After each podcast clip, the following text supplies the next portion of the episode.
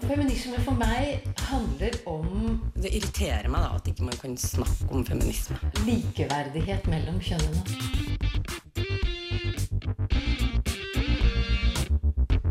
Det blikket på kvinnen på film. Det handlet om å bli tatt på alvor som jente. Du hører på Et eget rom på Radio Nova. På en av eh, årets åttende marsparoler så står det 'Norge må gi trafficking-ofre oppholdstillatelse'. Men hvordan er det egentlig med trafficking i Norge? Er det utbredt? Og hva skal vi egentlig gjøre med det? Det og mer på et eget rom i dag.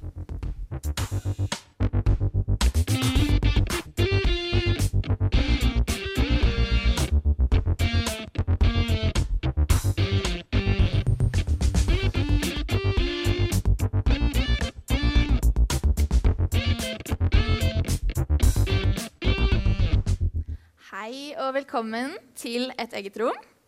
Eh, jeg føler liksom at jeg må si velkommen, fordi eh, er, det er liksom eh, mange nye ansikter i dag.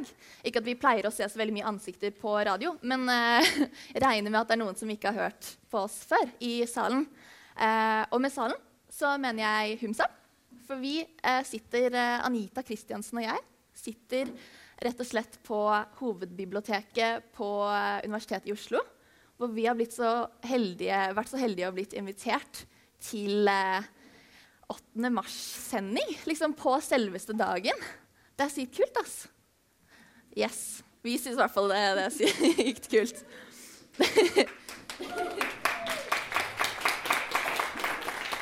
Altså, for uh, ja, Vi skal ha utesending. Altså, for det er jo noen som hører på dette her kanskje på podkast også en gang i fremtiden. Uh, og for dere som ikke er kjent med begrepet utesending, så betyr det at vi ikke sitter i uh, Studio B på Chateau Neuf, sånn som vi pleier å gjøre, men et annet sted. Så i dag er det på Humsam. På selve feminismens julaften. Har det Gratulerer med dagen, Anita. Takk. Gratulerer med dagen. Takk, takk. Har det vært champagnefrokost? Nei, det har dessverre ikke vært eh, champagnefrokost. Det har vært eh, vann og havregrøt. Men, eh, Ja, men det er solid, det også. Vi må, være, vi må ha næring i kroppen når vi skal kjempe videre i kvinnekampen. Ja. senere i dag, da. ja. Nei, men vi har, eh, vi har vært så heldige å bli eh, invitert eh, hit til å snakke. Vi fikk liksom vite at vi kunne få snakke om nesten hva vi ville. Og vi bare Yes, da må vi snakke om trafficking. Fordi eh, Ja. Det er jo en dag for å feire, men det er også en dag for å kjempe videre, tenker vi da. Eh, og, og når man skal kjempe videre, så er det viktig å, å høre fra de stemmene som kanskje høres eh, minst. Eh, og som privilegerte feminister så er det vår rolle å løfte opp andre kvinner som eh, har, eh, har det tøffere enn oss. Da. Sånn ser vi på det i et eget rom. Em, sånn at, eh, så det er liksom der, sånn vi endte opp på det. Og så er vi jo også litt inspirert av den parolen som har vært i noen år nå, som heter 'Gi trafficking-ofre oppholdstillatelse'. Vi skal snakke mer om den senere, og bl.a. høre et eh, lite intervju med kvinnegruppa Ottar, som har den parolen. Um, vi, vi er, kan vi noe om trafficking egentlig, Anita?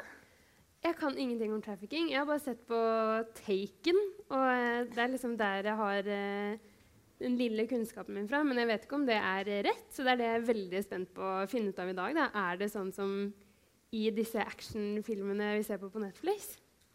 Jeg tipper, liksom, hvis jeg skal spå litt sånn i fremtiden, at det ikke er det. Men altså, jeg, jeg tro. er villig til å ta det tilbake hvis det viser seg å være usant. Um, vi har eh, rett og slett fått med oss eh, noen som kan dette litt bedre enn oss. Eh, og vi skal snakke mer med dem. Men først så skal vi høre eh, 'Vi burde danse' med verdens feteste eh, kvinnegruppe, popgruppe, Pikekyss.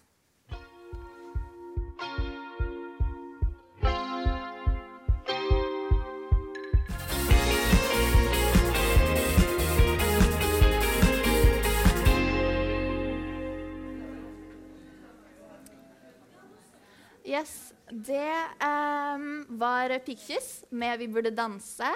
Vi i et eget rom var på Femfest og hørte dem forrige helg, og de bare oser girl power, liksom. Hør på dem, de er så bra. Um, men det er flere folk som er bra, blant annet Bjørg Nordli fra Prosenteret. takk for at du er her. Og Lisa Veldehane fra Rosa-prosjektet. Takk for at du er her. Takk for at jeg fikk komme. Gratulerer med dagen til eh, begge to. Takk, i like måte. Takk. Det er, um, det er jo sånn at liksom, trafficking for oss, da, da vi skulle liksom begynne å gjøre litt research på det, ble, ble litt sånn overveldende. Fordi det er jo faktisk ganske mange som uh, skriver om det. Men så følte vi liksom ikke at vi hadde hørt noe om det. Så vi hadde liksom ikke så mange knagger fra før. Men det var så mye informasjon der ute, så vi skjønte med en gang at ok, vi må ha noen her som vet hva de snakker om, på besøk. Så jeg tenkte kanskje dere kunne begynne med å bare si litt om dere selv og organisasjonene deres. Hvis dere vil begynne. Det kan jeg gjøre.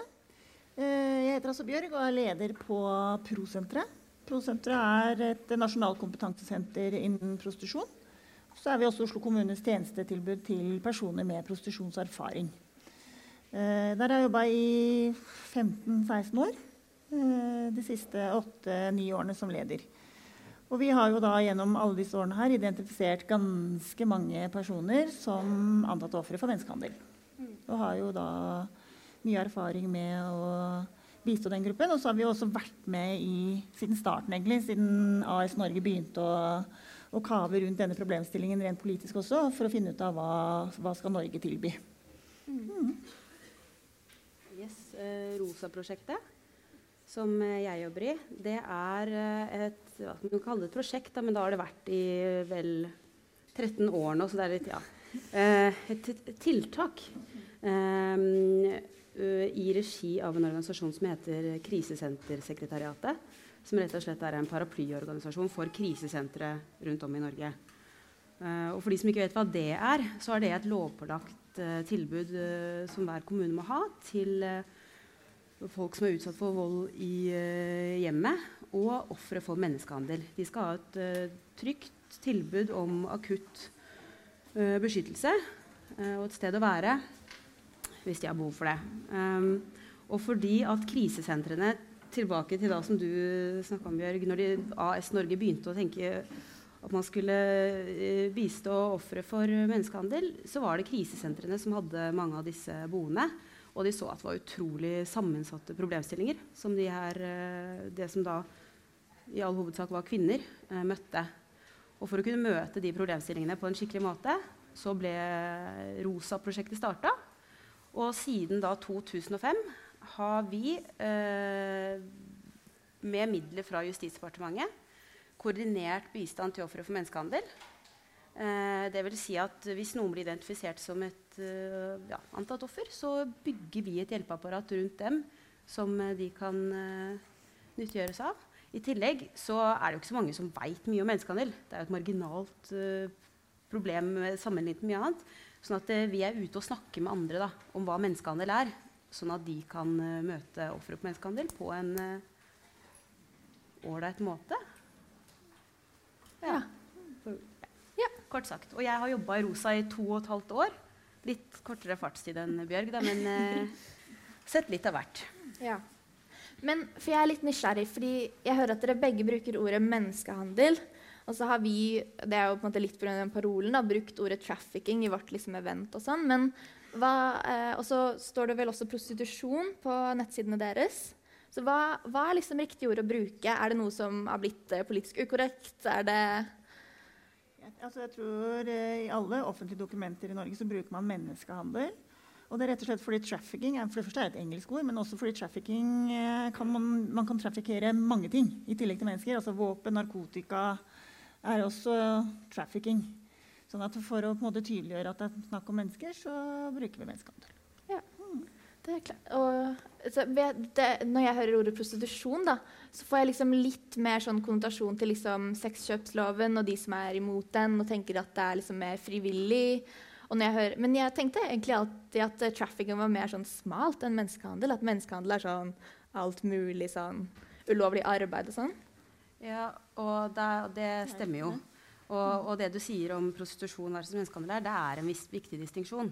Altså, det er ikke all prostitusjon som er menneskehandel, og det er ikke all menneskehandel som er prostitusjon.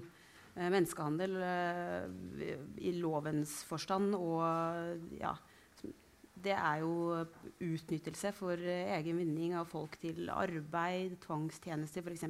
noen blir tvunget til å gjøre kriminelle handlinger. Um, det er seksuell utnyttelse. Det, er, eh, det, er, eh, det favner om mer. Mm. Men OK, vi må liksom få, prøve å få litt sånn grep på dette her. Hva, hvordan ser liksom hele denne uh, menneskehandelen inn i salg av sex i Norge? Hvordan ser det ut? Hvor begynner det? Hvem er de? Jeg, bare, jeg vet ikke hvor jeg skal begynne engang. Liksom.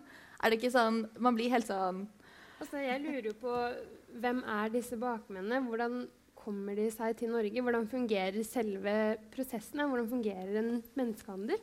Menneskehandel fra A til Å, liksom? Ja. På tre kvarter. Helst på Vi har sånn syv minutter Syv til neste minutter. sang. Jeg, jeg kan ta tre minutter, så kan eh, Lisa fortsette.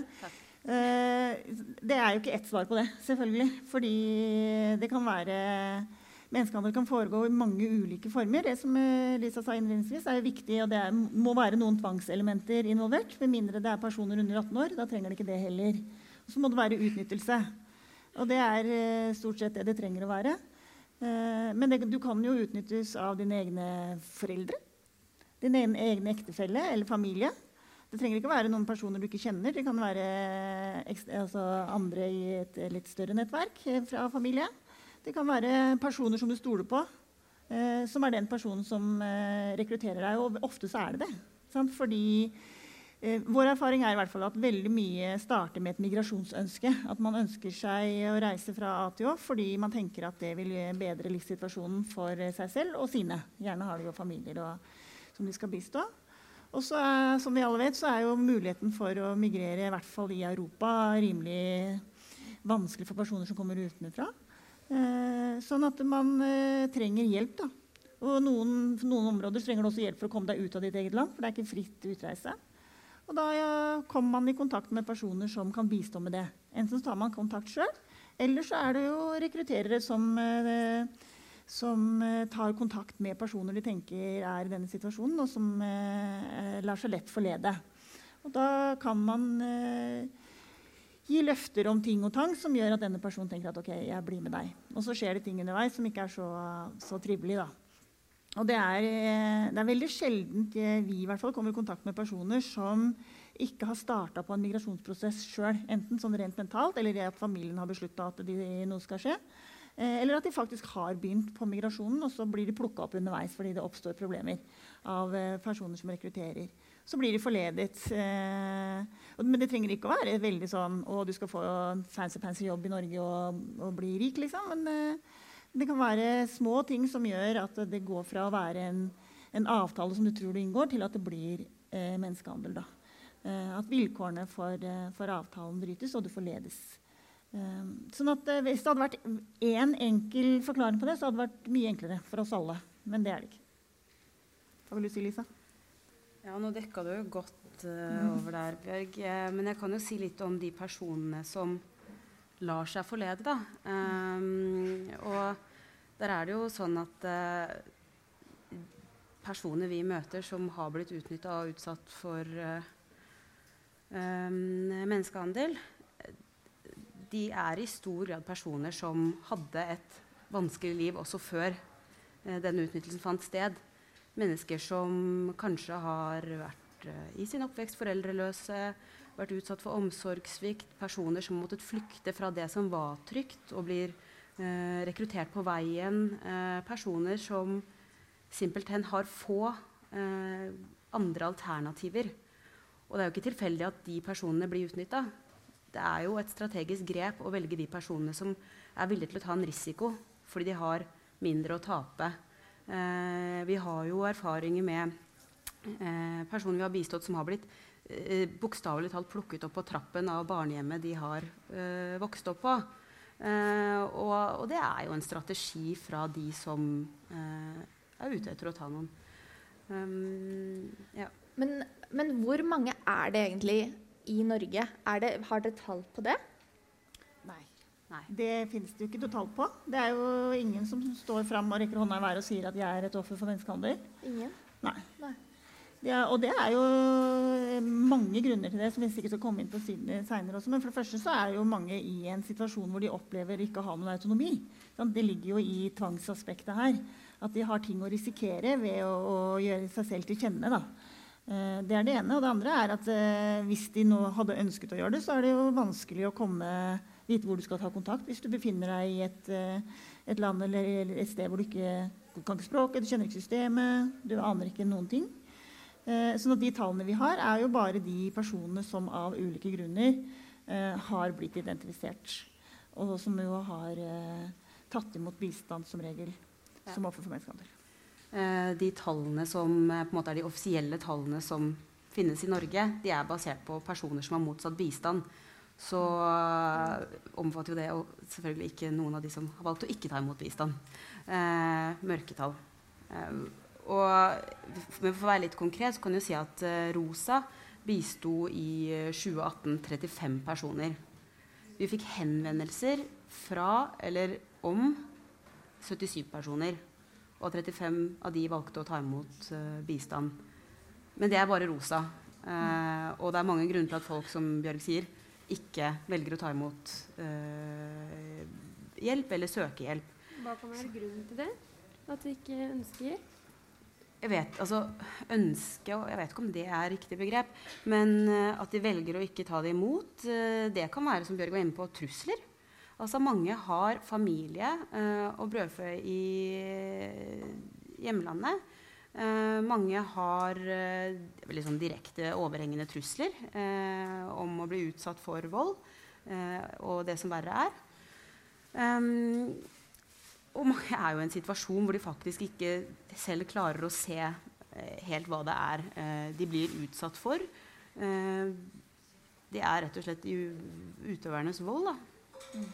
I tillegg til det så kommer vi komme tilbake til den parolen som dere nevnte innledningsvis, som jo handler om at eh, norske myndigheter har besluttet at eh, ofre for menneskehandel skal returneres til sine hjemland eller til der hvor de har opphold. Eh, og for veldig mange av de som jo havna i menneskehandel, så hadde de jo en plan med, med livsprosjektet sitt, som ikke var å komme tilbake igjen til utgangspunktet, som jo Lisa beskrev tidligere, jo ofte er svært dårlig. Så det, som regel er det det de siste de ønsker seg, å komme tilbake igjen dit. Og da er det jo en avveining. da. Hva er minst verst? Hva har man mest å tape på? Det å ta imot uh, bistand fra norske myndigheter, gi seg selv til kjenne med den risikoen det vil innebære å bli returnert til utgangspunktet. Og tilbake til rute 1, og kanskje enda verre enn rute 1 nå. Fordi du har opparbeida deg gjeld og står i en vanskelig situasjon til mennesker som jo, er potensielt eh, farlige for deg. Eh, eller å fortsette å være i den situasjonen du er i, i håp om at det er noe skal endre seg på sikt som gjør at du kan komme ut av det med bedre odds. Eh, og det er utrolig vanskelig som hjelpere å selge inn et tilbud som handler om en returbillett hjem på sikt. Det, og det er jo fordi det er, For det første er det ganske få som anmelder, men eh, også er det veldig få av anmeldelsene som fører fram. Eh, fordi de som driver med dette her, er jo profesjonelle, ofte kjeltringer. eh, og, og de skjønner i hvert fall at de ikke skal gi fra seg for mye informasjon. Og de som er utsatt for menneskehandel, har ikke nødvendigvis tilstrekkelig informasjon til at det går an å bygge en eh, god anmeldelse. Og fordi denne type saker er ekstremt kostbare, så skal det nok også ganske mye til før politiet starter på en sånn eh, utgreining. For du skal samhandle med politiet andre steder, og de ser bare penga rase ut av budsjettet. Og den, eh, den kritiske vurderingen hos eh, politiet der eh, frykter vi i ROSA, og basert på hva vi ser, eh, at faktisk eh, Altså, det har ikke blitt bedre, det blir verre. Politiet er i mindre grad villig til å føre eh, menneskehandelssaker fordi det er så vanskelig å få, få Og- det. Ja, og det skal vi snakke mer om. Det er jo virkelig kjernen i dette her. Men eh, først så skal vi ta en liten pust i bakken med en eh, sang, 'Blomst', med oss som bare drar. Bare å forsyne dere med mat mens den spiller. Og så kommer vi tilbake etter det.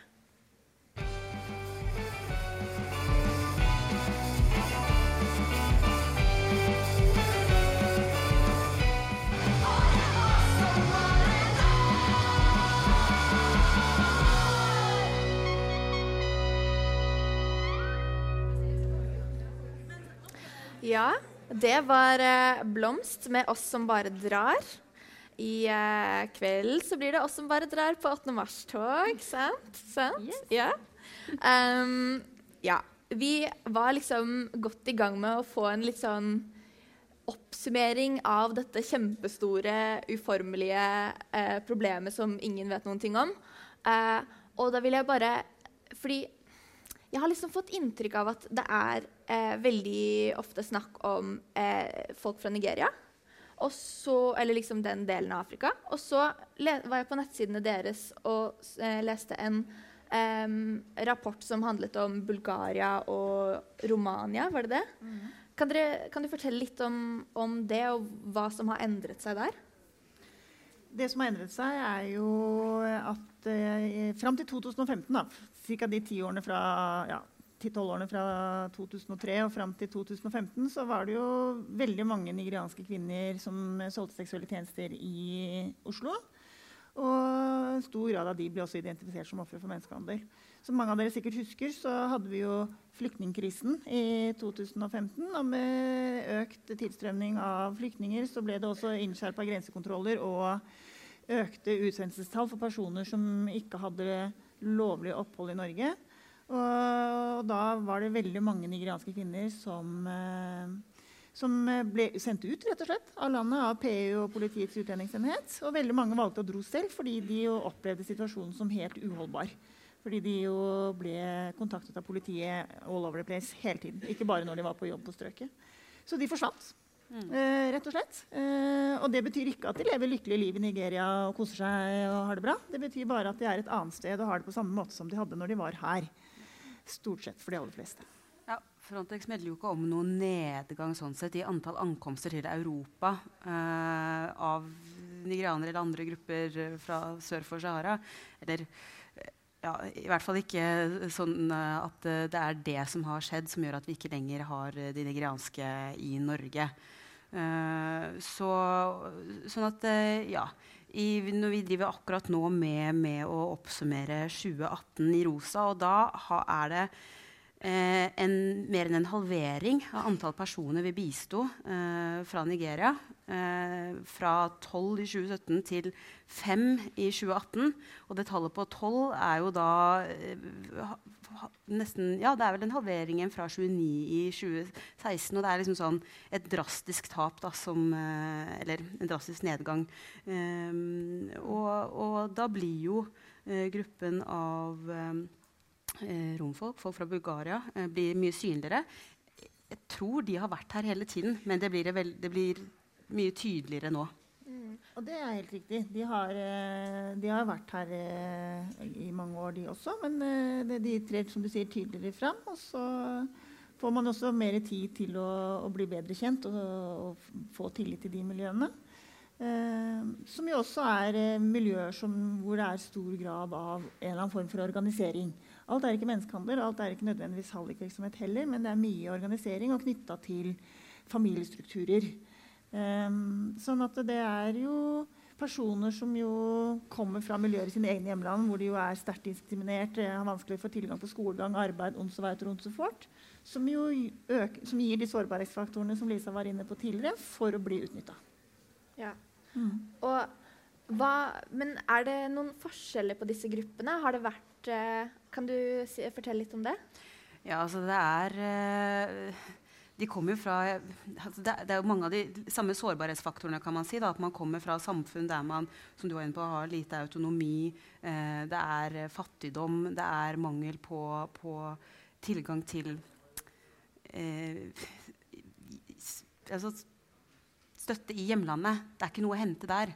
Ehm, det er vel en, et fellestrekk. Men ellers så er det jo vidt forskjellige kulturer, vidt forskjellige strukturer også i utnyttelsen uh, av, av det, det vi så av de fra Nigeria, og det vi ser i de rommiljøene.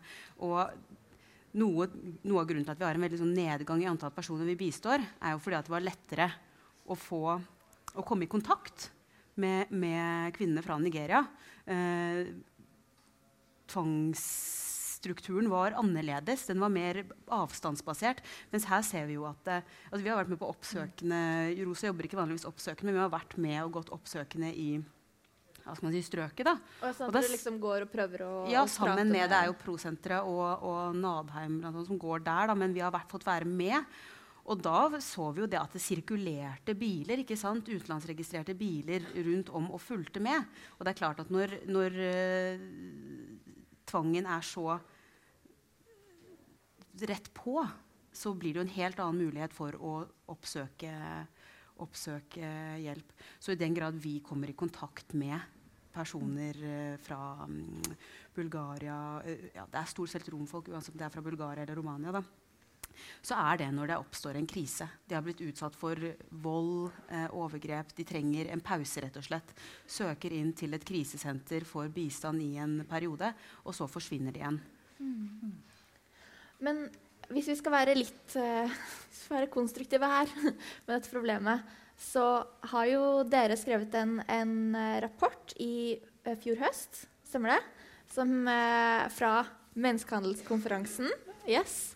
Eh, veldig fin rapport. Og der kommer dere med en liten liste med forslag til ting som må eh, eller bør endres. Jeg vet ikke hvordan du ville formulert det. Eh, kan du snakke litt om det? Ja. Um, en liste, ja. Altså, det her er jo en uh, rapport som vi ferdigstilte nå i vår, basert på, eller nå vinter, på vinter fortsatt, ja. Um, basert på en konferanse som vi hadde i høst. Men målet med den konferansen det var å løfte utfordringer som vi har sett over tid, men som aldri blir tatt tak i. Så dette er dessverre ikke en uh, liste med brand new problemstillinger og anbefalinger. Dette er ting vi har kjempa for i mange år. Men det er et mål om å, å altså Vi må jo drive det videre. Jeg husker Vi satt på konferanse for Bjørg, var jo, var jo bl.a. Uh, ordstyrer og, og konferansier for det ene sesjonen. Satt vi etterpå og snakka om det, og så sa du sånn Ja, Lisa, eh, trenger ikke å bruke for mye tid for det, for du vet, sånne rapporter legger folk bare i skuffen uansett. så, og det vet vi jo er et eh, Det er jo eh, fort fare for det. Men vi tenker at det å ha et sånn her skriv, som dere leser og løfter fram her i dag, ikke sant? og som andre leser og blir bevisstgjort på at eh, finnes, det tenker vi er, det er den eneste måten å nå fram. Eh, det må være litt eh, kraft eh, bak bevegelsen for å, å, få gjort noe. Ja, kan ikke gi opp. Nei, nei, nei, da hadde vi jo funnet noe å gjøre. Ja. Det, så kan ikke gi opp. Jeg tenker at det er eh, Det som er den store utfordringen knytta til menneskehandel, eh, hvis vi skal se som politisk sett, er jo at den eh, knytter seg veldig tett opp mot utlendingsfeltet. Så, og, og, det er et stort politikkfelt. Sånn at, eh, og et felt som er vanskelig å dytte på, hvor det jo ikke er noe særlig politisk motivasjon til å liksom, eh, åpne armene i noe større grad. Da. Og det gjør jo at de personene som vi kommer i kontakt med, enten de er utsatt for menneskehandel eller ikke, men også ofre for menneskehandel, eh, er tenkt som jeg sa tidligere, tenkt at de ikke skal forbli i Norge. Og det skaper jo noen utfordringer knytta til det å skulle lage et, et tiltak, da, eller en, en tiltakskjede mer for hva disse menneskene skal få ytelser mens de er i Norge. Og det vil man jo det ene er at Menneskehandel er en veldig sånn politisk blomst. Det er fint å liksom veive med oppi her og se vi er så eiergode og eh, alt det der. Og ta vare på de svake, Samtidig som du har utlendingsfeltet stående her og sier ja, du skal reise hjem, for vi vil ikke ha deg her. Uh, og i det, det, spennet mellom der da, skal du forsøke å gi folk noe bistand. Men du skal ikke gi for mye, for du skal likevel ikke bli her. Men du skal ikke gi så lite at du framstår som inhuman heller. Eh, og da blir det sånn minimumsnivå egentlig. Da. Du, får, eh, eh, liksom, du skal bli pakka sammen og få litt helsehjelp hvis du blør, men ikke noe særlig mer enn det. Psykisk helse er jo helt umulig å få mye hjelp til. Få litt bolig, litt penger så du greier deg, men det er på en måte det. da. Og så en returbillett hjem på slutten av det for de aller, aller fleste. Eh, sånn at Politisk sett så er det et felt som er vanskelig å bevege. Og, og de siste årene har det vært eh, veldig stille. Ja, og det er jo egentlig ganske ja, Kanskje jeg har vært optimistisk, men i 2015 så ble det jo vedtatt en anmodning fra Stortinget til regjeringen om at man skulle utrede og senke terskelen, eller eh, og gjøre det, mm, en oppholdstillatelse eh, mer tilgjengelig for ofre for menneskehandel. Det var en helt entydig sånn anmodning til regjeringen. Og det har jo da regjeringen simpelthen trenert og unnlatt å forholde seg til over år nå. De har, de har rett og slett blåst i det og sagt at nei, vi syns eh, gjeldende system er adekvat. Og det synes jo da åpenbart ikke det Stortinget som sa at nei, her må vi gjøre noe. Eh, så det er, det er en sånn motvilje, da. Eh, hvis det står mellom innvandringspolitiske hensyn og eh, disse ofrene for menneskehandel, så er det innvandringspolitiske hensyn som har fått trumfe så langt. Det er det. Det er absolutt. Og så er det viktig å huske på, tror jeg, at eh, hele denne her, Hele bevisstheten rundt menneskehandel eh, er ikke tufta på humanisme. Eh, alle de internasjonale dokumentene som kom først, altså Palermo-protokollen, som var det første dokumentet som på en måte beskrev menneskehandel og prøvde å få en internasjonal definisjon på det, er en tilleggsprotokoll til FNs store eh, konvensjon mot organisert kriminalitet. Sånn at det, det, det, den protokollen kom litt sånn Oi da, vi har, vi har masse organisert kriminalitet. Man er kjempeengstelig for Øst-Europa og alle disse som skal komme og, og, drive kjeltringstreker i Europa, og lager kjempekonvensjoner eh, rundt disse tingene. Eh, og så ser man at det er en del mennesker som blir ofre i kjølvannet av det. Og så tenker man at vi, får, eh, vi må lage et land som også er til de. Men det er ikke tufta på menneskerettigheter. sånn at når politikerne står og snakker om menneskehandel som menneskerettighetsbrudd, og bla, bla, bla, bla, så er det bare festtaler. Fordi det er knytta til kriminalitet og et ønske om å forebygge at kriminelle nettverk får fotfeste i, i Norge. Og det er jo utgangspunktet ikke noe gærent i det, altså meg rett. Men jeg hadde nok ønsket at de, eh, de eh, avtalene, og de både de europeiske og internasjonale avtalene på dette feltet, var mer eh, sprunget ut fra et menneskerettighetsperspektiv. Sånn at de ofrene som blir utsatt for denne kriminaliteten, faktisk har et eh, sterkere rettsvern. Da. Og ikke bare er sånn collateral damage eh, i vår jobb på å prøve å holde kjeltringene ute. Altså jeg regner jo med at dere tar utgangspunkt i hva dere får høre fra de dere snakker med, men eh, når dere eh, kommer med forslag til hva som må bedres. Men, men sånn, når dere sitter i en, en samtale da, med en person som eh, har vært offer for eh, menneskehandel, hva er, de, hva er det de sier at de trenger fra dere? Altså Folk vil jo bare være trygge og ha et godt liv og en fremtid eh, selv og for sin familie. Det er, ikke, det er ikke mer enn det. De har lyst til å være trygge. Eh, de har lyst til å, til å kunne leve godt.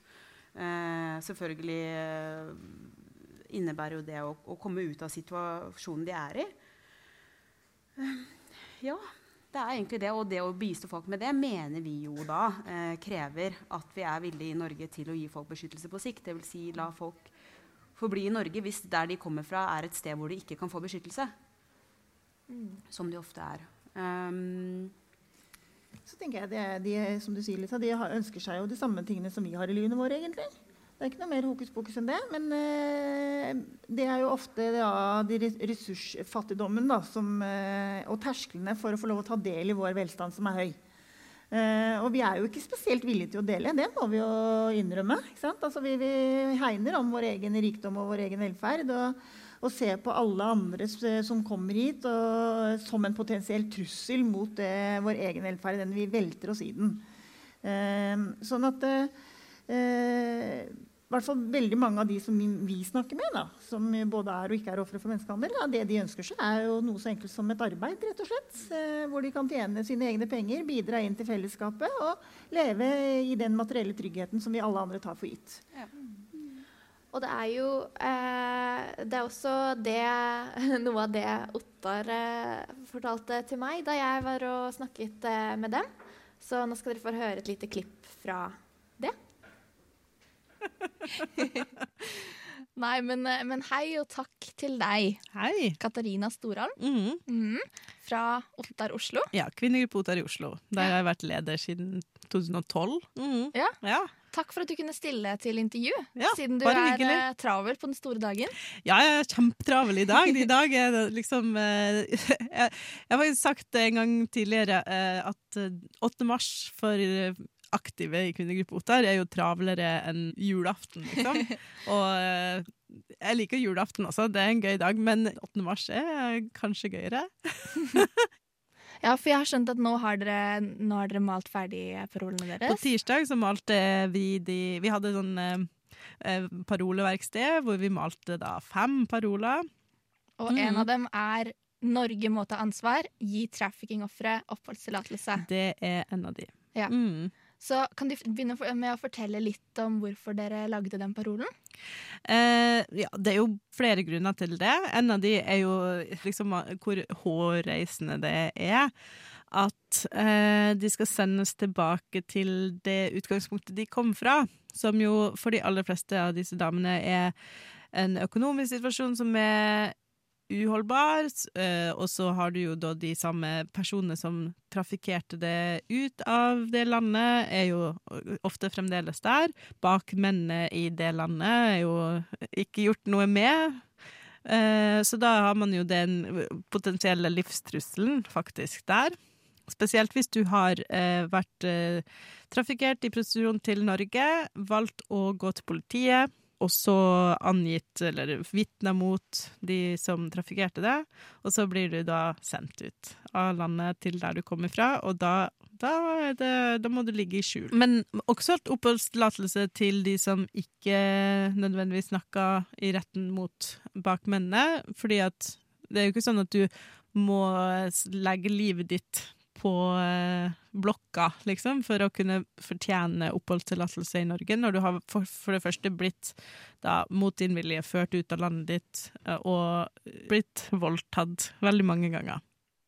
Sånn som situasjonen er i dag, så er beste sjanse på å få oppholdstillatelse det er å vitne Det er i retten mot Men det, bakmennene. det er ikke sikkert at du får oppholdstillatelse da heller, fordi at da kommer gjerne UD inn og har sitt ord med i spillet. Så vi har jo arrangert flere demonstrasjoner mot at uh, damer skulle bli sendt ut av landet etter at de hadde vitna. Men uh, hvis, hvis Ottar får, uh, får viljen sin i denne saken her, og, og det blir oppholdstillatelse til alle ofre for trafficking, hvordan, hvordan kommer det til å se ut i praksis?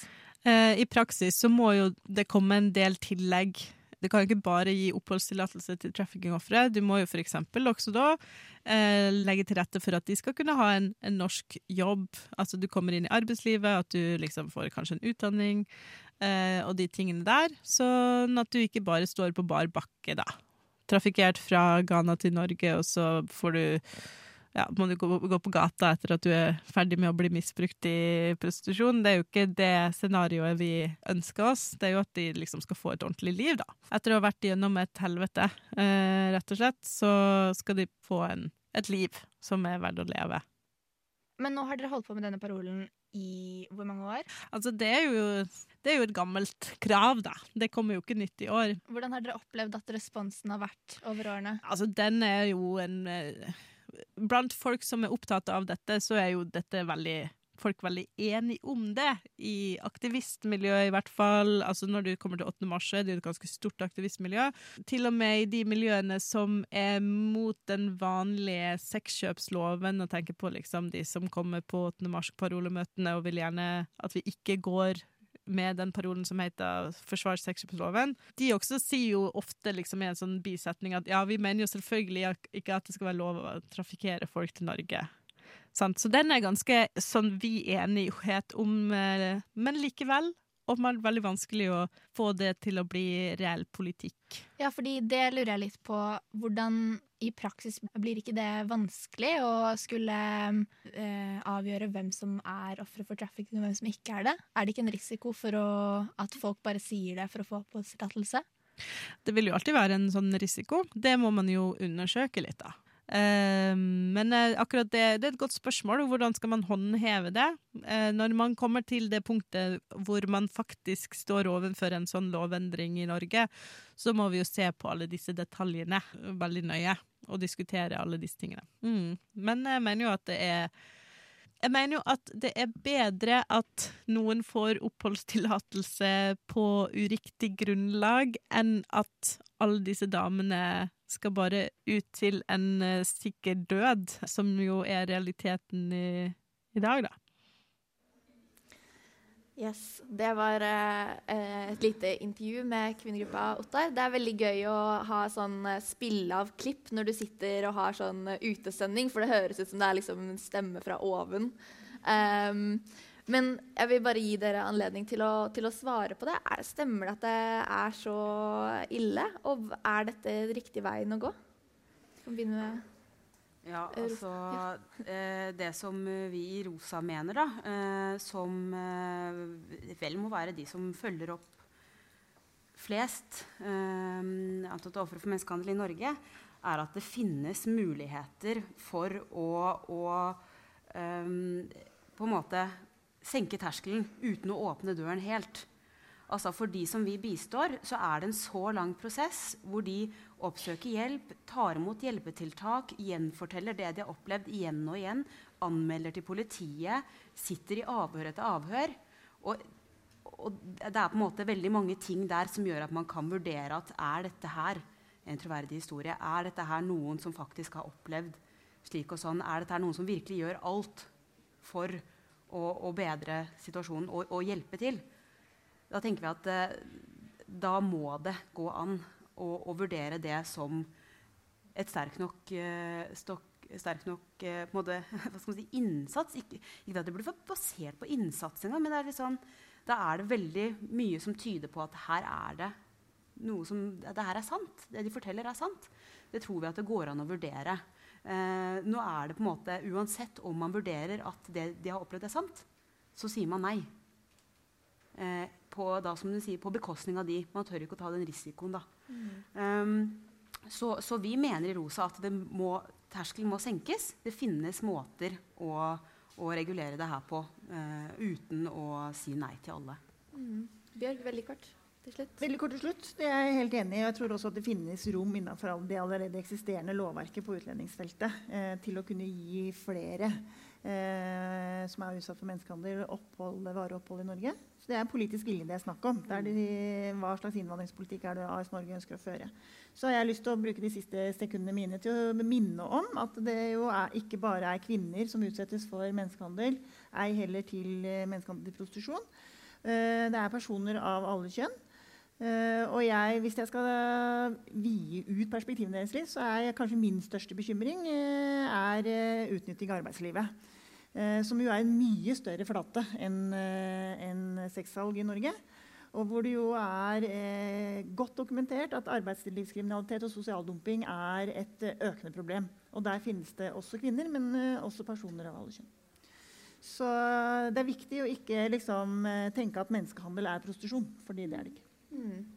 Ja, men Det syns jeg var en, eh, en, god tone å runde av på. For nå har vi rett og slett eh, kommet til slutten av denne utesendingen, eller livesendingen, eller hva man skal kalle det. Um, og da vil jeg bare si takk til så mange Altså takk til dere som har møtt opp og sitter her foran oss. Det er jo veldig gøy å faktisk se de som hører på oss, for en gangs skyld. Jeg uh, håper dere har uh, kost dere. Um, Eh, takk til dere som har hørt på, på podkast. Og takk til gjestene våre, Bjørg og Lisa. Tusen takk. Og til Katarina Storalm fra Ottar, som eh, lot, lot seg intervjue. Um, takk til teknikeren vår Helje, som har holdt styr på ting. Og takk til deg, Anita. Og takk til deg. Oh, takk, takk. Og takk til alle. Og gratulerer med dagen til alle. Um, dette har vært uh, veldig spennende og lærerikt. Og så um, så kan jeg jo anbefale um, det bandet som skal spille nå etterpå. Uh, One Day I'll Be a Little Old Lady. De er kjempeflinke og kule og fabelaktige. Så gå og hør på dem ute i um, Jeg føler at det rommet er litt for stort til å kalle en gang. An Foajeen, ja. Um, nå etterpå. Og uh, ta og riv til dere de siste smulene hvis det er noen uh, der borte. yes. Ses i toget.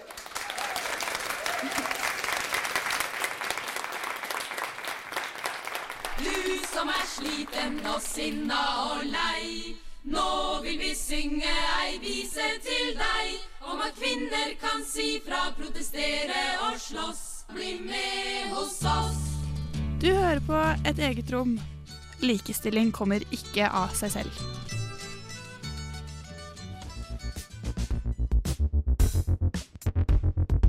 Du har hørt en podkast fra Et eget rom på Radio Nova.